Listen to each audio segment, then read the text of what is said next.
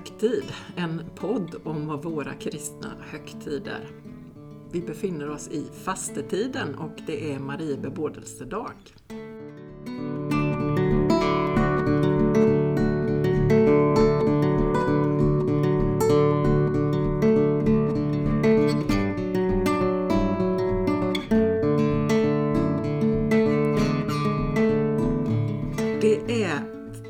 Marie bebådelsedag som vi ska fira. Och själva dagen är den 25 mars, men söndagen innan har därför temat bebådelsen. Det är ju ett ord som kan kräva lite förkunskap för att man ska hänga med. Rätt kyrkpräglat språk, Marie bebådelsedag.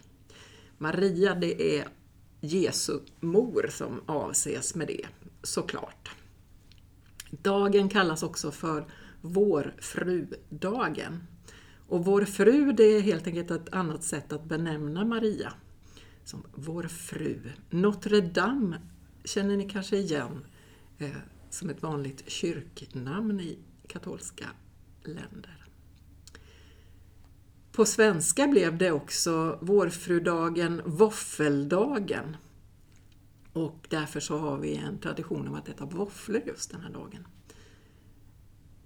En annan sak som hör ihop med Marie bebådelsedag är att det traditionellt har varit en startdag för vårbruket i vårt land. Så det är mycket som liksom sätter igång just den här högtiden. Bebådelse betyder förutsägelse. Alltså att någon förutsäger vad som ska hända. Och ordet bebådelsen i bestämd form används nästan uteslutande om det är tillfälle där Maria får besök av ängeln Gabriel som bebådar att hon ska föda en son.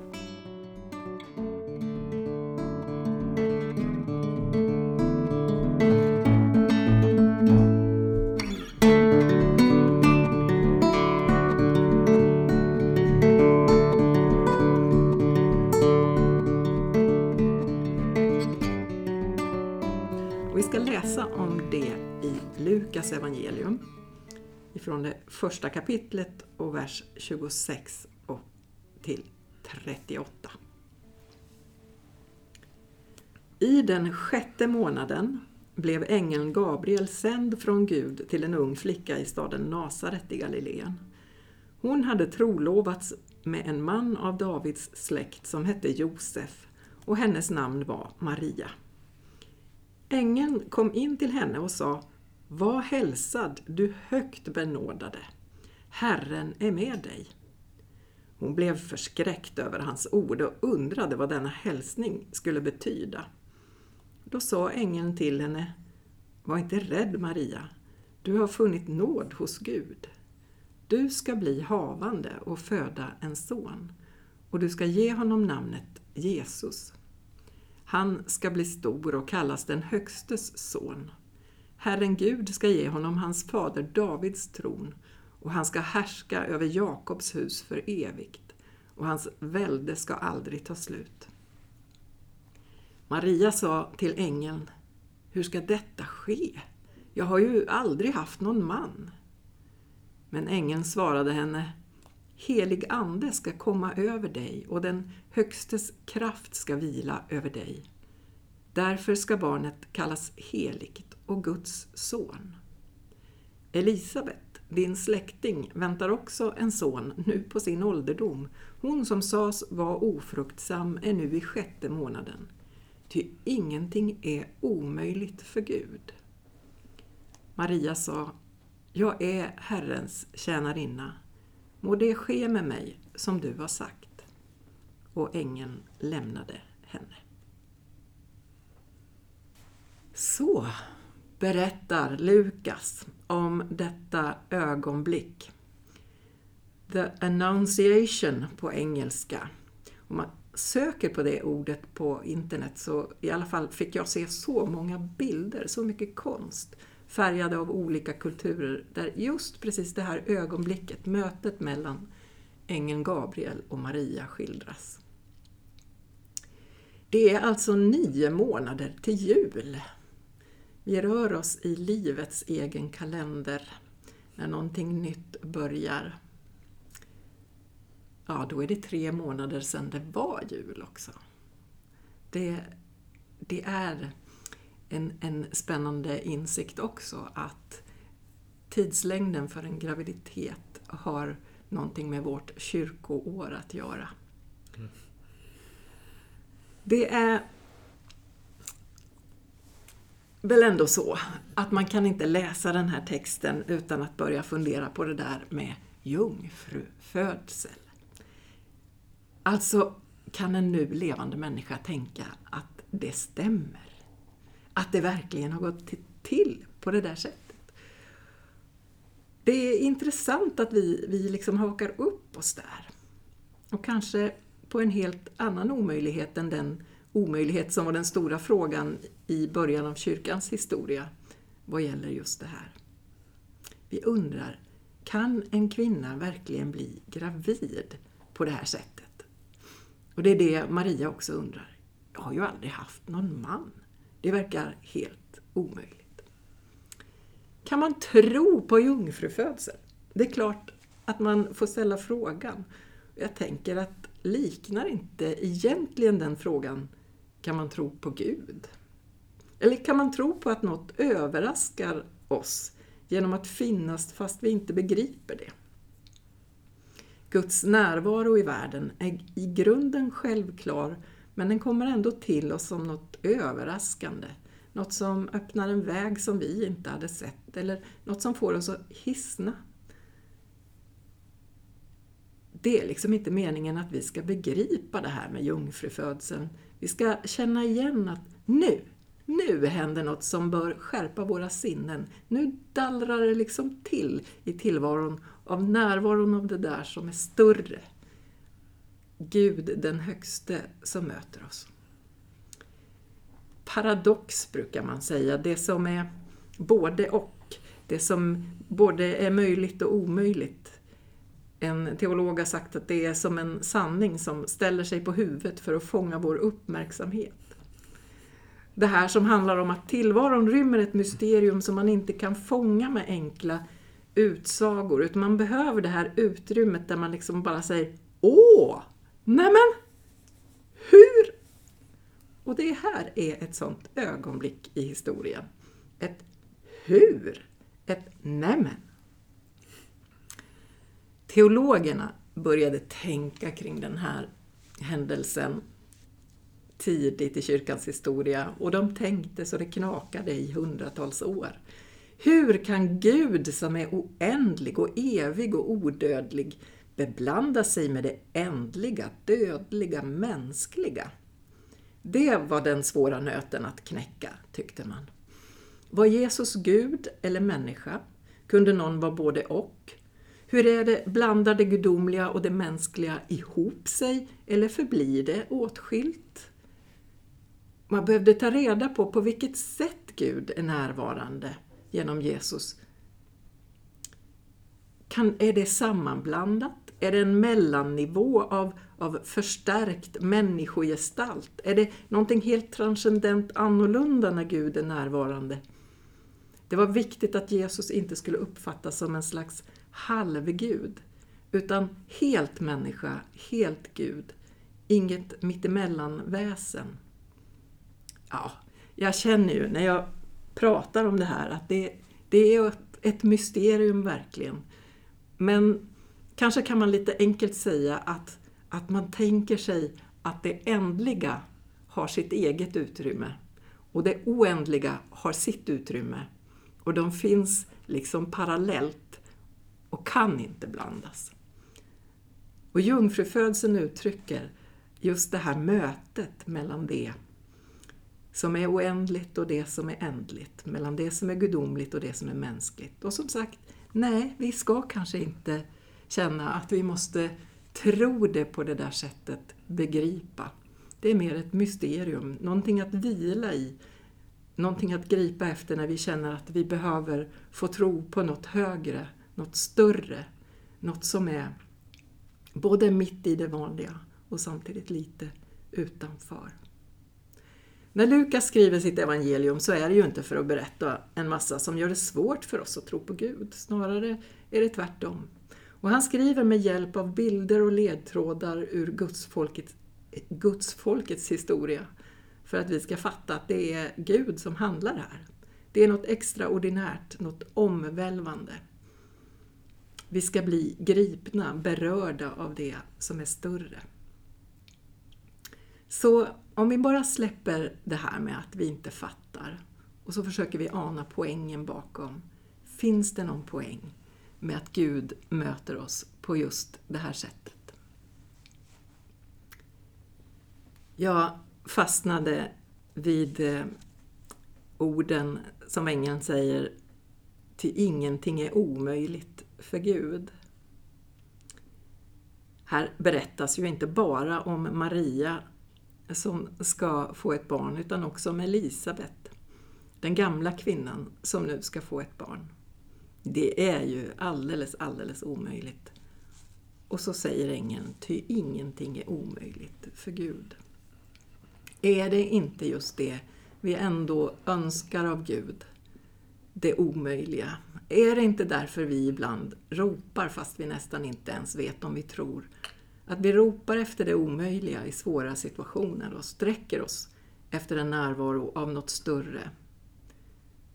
Jag tänker att eh, när Lukas talar om Gud här så, så används flera uttryck. Den högste, Herren Gud.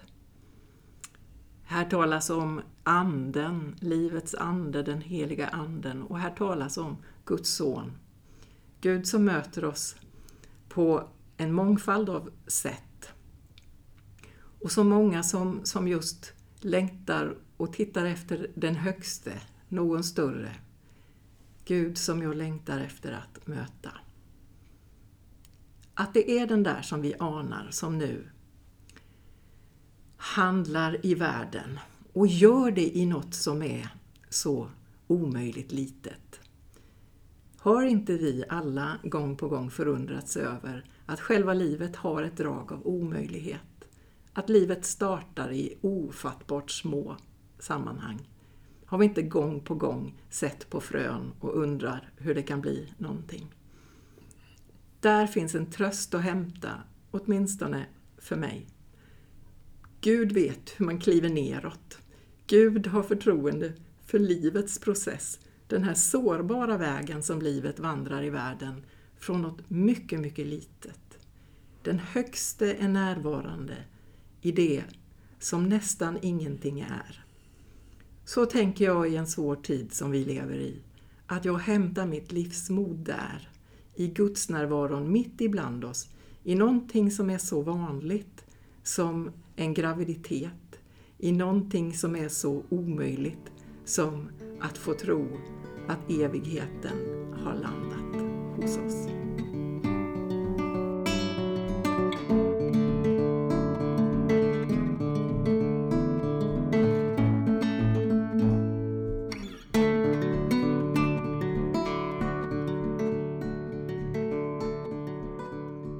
Du ser, finns det någon poäng av för Gud möter oss på detta sättet, sa du? Mm. Och så tänker jag liksom...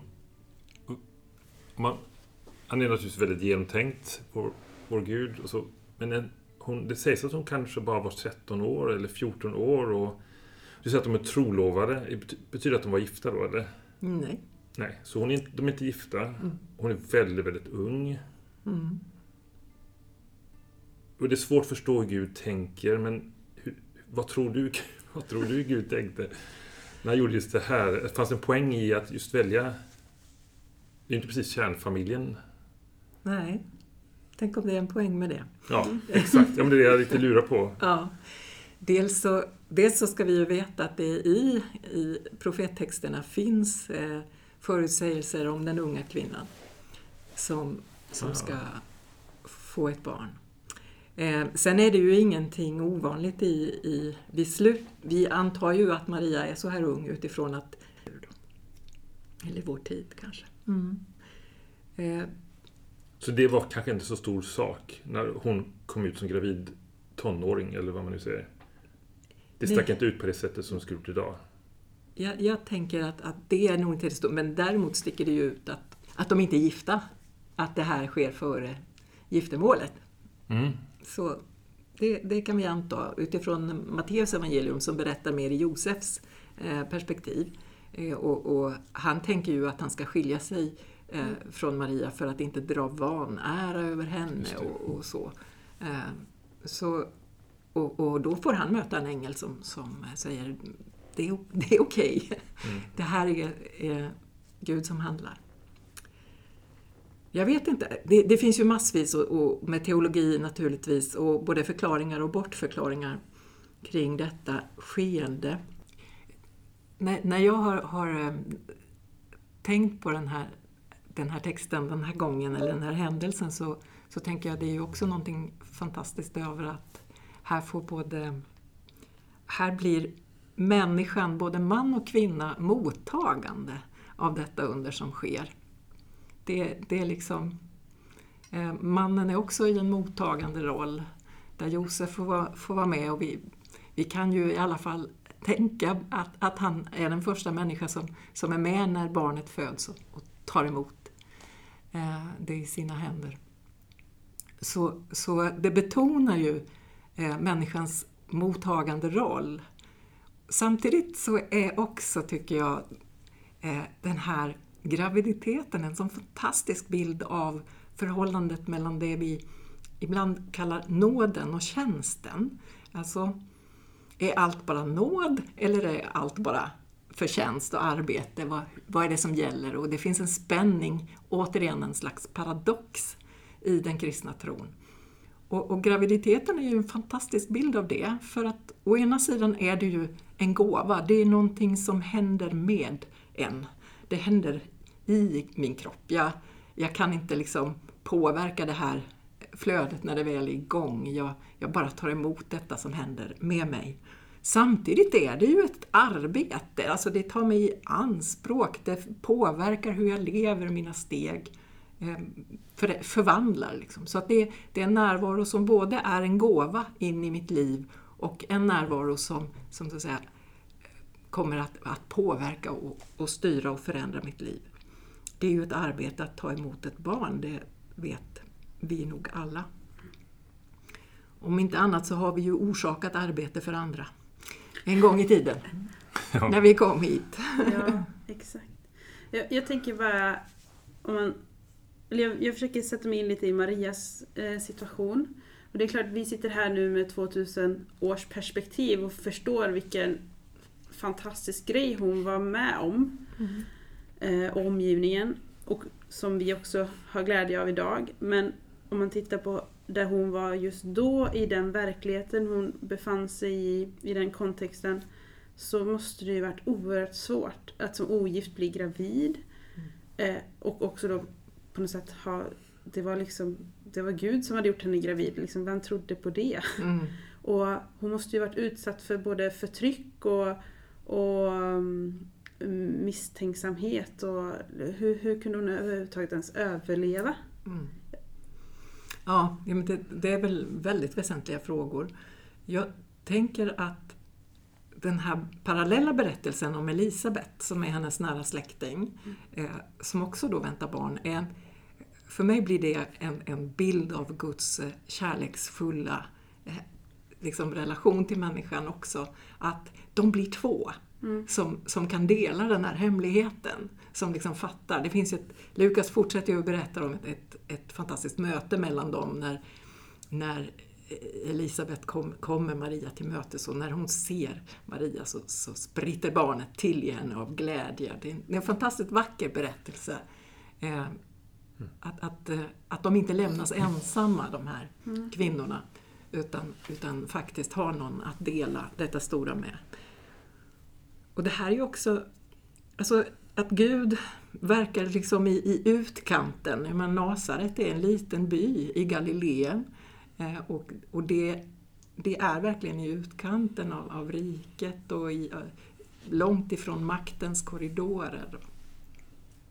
Det här möter vi ju igen i, i eh, julberättelsen då, att med de här magerna som ska söka efter kungen som är född och så naturligtvis beger sig till palatset. Och, så, och så finns den här kungen i, i ett stall i en mindre stad. Det, det, det, är som att, det är som att vi för, ska förstå någonting här. Mm. Som vi inte riktigt förstår. Nej. Eh, vi, vi, bara liksom strävar uppåt, uppåt, uppåt, uppåt. Det, och vi har gärna våra föreställningar om Gud som liksom strävar uppåt, uppåt, uppåt. Och så möter oss Bibeln i en berättelse om en Gud som, som liksom kommer ner. Som strävar neråt, som handlar i små saker. Som, som bygger sitt rike från, från frön och, och senapskorn och, och, små plantor. Liksom. Och i små människor. Det som ingenting var, det utvalde Gud, skriver Paulus. Eh, och, och betraktar sig själv också som, som ingenting. Det är, eh, det är något med det. Vårt samhälle är ju i en svår situation idag eh, på grund av människans liksom, strävan efter, efter tillväxt. Mm. Efter att liksom mer och mer och mer och mer. En graviditet är ju en, en hisnande tillväxt, det är det ju.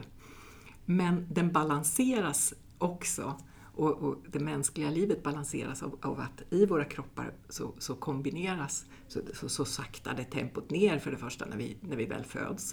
Eh, och så tillbakabildas också nervceller i, i hjärnan och så vidare för att vi ska specialiseras och bli de vi blir. Men också, också att, att kroppen har både nedbrytande och uppbyggande processer igång hela tiden. Det är så livet fungerar. Eh, och, och, och någonstans på vägen tappade vi det. Kanske ungefär samtidigt som vi började grädda våfflor, jag vet inte, någon gång på 1800-talet. Eller, ja, hur var den kopplingen? Den var faktiskt, jag, ja. jag, jag, visste inte om att det var en koppling till Vår fru eller att man lite slarv blev våffel. Men ja. är det verkligen sant? Är det, är ja, det, det, det sägs så, ja, att det kommer därifrån. Mm. Eh, vad jag, vad jag, jag kanske det drog en väldigt... Gräva, det ska jag googla på. Så. Ja, gräv vidare. Jag, jag hittade på Google också. Så att jag, jag var tvungen att kolla det igen innan. Ja. Men, men eh, det har ju att göra med att, att det vita mjölet dyker upp eh, och, och vi börjar grädda våfflor och baka semlor på ett nytt sätt. Eh, och, och jag tänker att... för att fira att Jesus blev till på den dagen? Ja, eller bara för att det är gott med våfflor. Ja, men, jo, det, det kan jag... Ja. Den är mer... Ja, ja, mm. ja. Men, men det är ju också hur, eh, hur, hur vi människor funkar och att, att religiösa kristna högtider lever också sitt eget liv liksom, i, mm. i folklig tradition. Och, eh, man hittar, hittar vägar. Eh, det är också ett sätt att fira då det här att vårbruket kom igång, som ju också är ett, ett sådant tydligt tecken på, på kopplingen mellan något som processer som vi inte har, har koll på, eh, alltså mm. sådden i någon mening i, eh, och, så, och sen samtidigt det här intensiva arbetet då det, jag tycker det är fascinerande att det sammanfaller. Mm. Och en, en, större tillit till det som sker i det fördolda, det, det väcker den här texten i mig. Ni vet att jag är, är engagerad i, i arbete kring klimat och miljö. Eh, och, och, det är en svår tid. Det, det är inte så lätt att ha, hålla hoppet levande kring det. Och och när jag då möter de här sammanhangen som berättar om hur Gud jobbar, eller jobbar, eh, Gud handlar i det fördolda. Mm. Gud eh, är närvarande i det som ser väldigt lite ut. Så, så skänker det mig ändå ett hopp och ger mig en mening och tänker att det spelar roll, det lilla du och jag gör. Vi är med och gör plats för Gud i världen på samma sätt som Maria tar emot Jesus och göra plats för Gud att växa i världen. Kan man tänka så? Men ett av våra hopp är ju att Gud fortfarande gör under, tänker jag. Mm. Vi pratar om ett, ett omöjligt under nu, så mm. även om det kan se hopplöst ut så mm. låt oss hoppas på fler under. Ja. Och att vi är med och medskapare på något vis. Ja.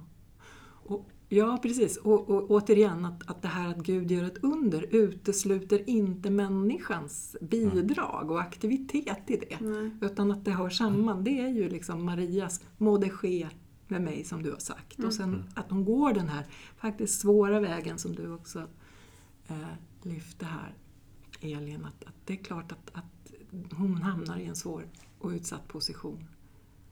Eh, Och jag vill haka på lite grann där, för jag tänker lite grann på Josef. Mm. Jag tänker på mannen. mm, Det måste vara ursvårt. Alltså jag, jag kan, man kan Mm. ju själv lite grann förstå det, liksom att man inte är pappa till barnet liksom, Mm. och med alla de känslorna. Och mm. det, är inte, det är inte mitt barn, eller, eller hur tror du? Mm. Det är väldigt mycket... Det, Ja. Hur tänker du om Josefs roll och vad kan det säga oss idag? Liksom hur han hanterar situationen kanske? Eller, Mm. Han, han ville väl skiljas, var det inte så egentligen? Säger inte texterna någonting om det? Att han, han vill Mm. liksom lämna förhållandet, eller, Mm. eller Maria? Men det står att, det står att, han, att han inte vill dra vanära över henne. Så att det, det är inte utifrån sin egen position. Eh, Jag tänker det, det För, för då var det att, att han, de kunde inte ha barn innan de var gifta. Så, Mm. så var det också Mm. på den tiden. mm. Ja, intressant. Eller om vi bara antar det, jag vet inte. Ja, intressant. Nej, jag, Ja, men, men det är ju en, en... Det måste det ju vara, för att, att annars skulle han ju inte ha reagerat på det här sättet. Men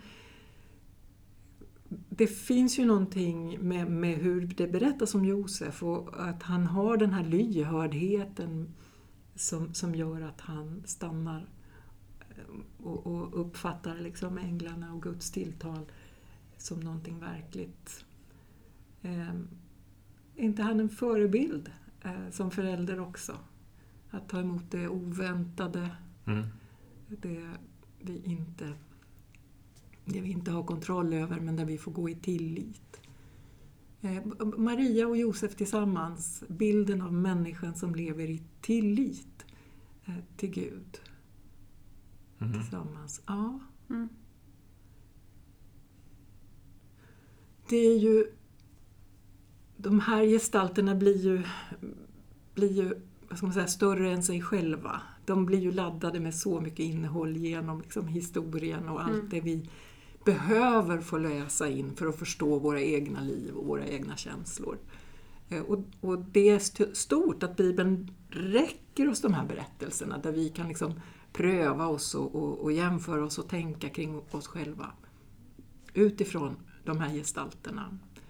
Eh, och, och det kan man göra, man kan, man kan sätta sig ner med en sån här text, i, läsa den i lugn och ro, ta den till sig tills man känner att man har den inom sig och så, sen bara vara stilla och se vad som händer.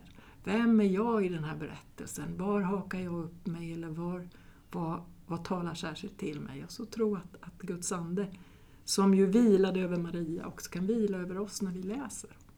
Leda oss att hitta det som är är tröst eller hopp eller tillit till oss.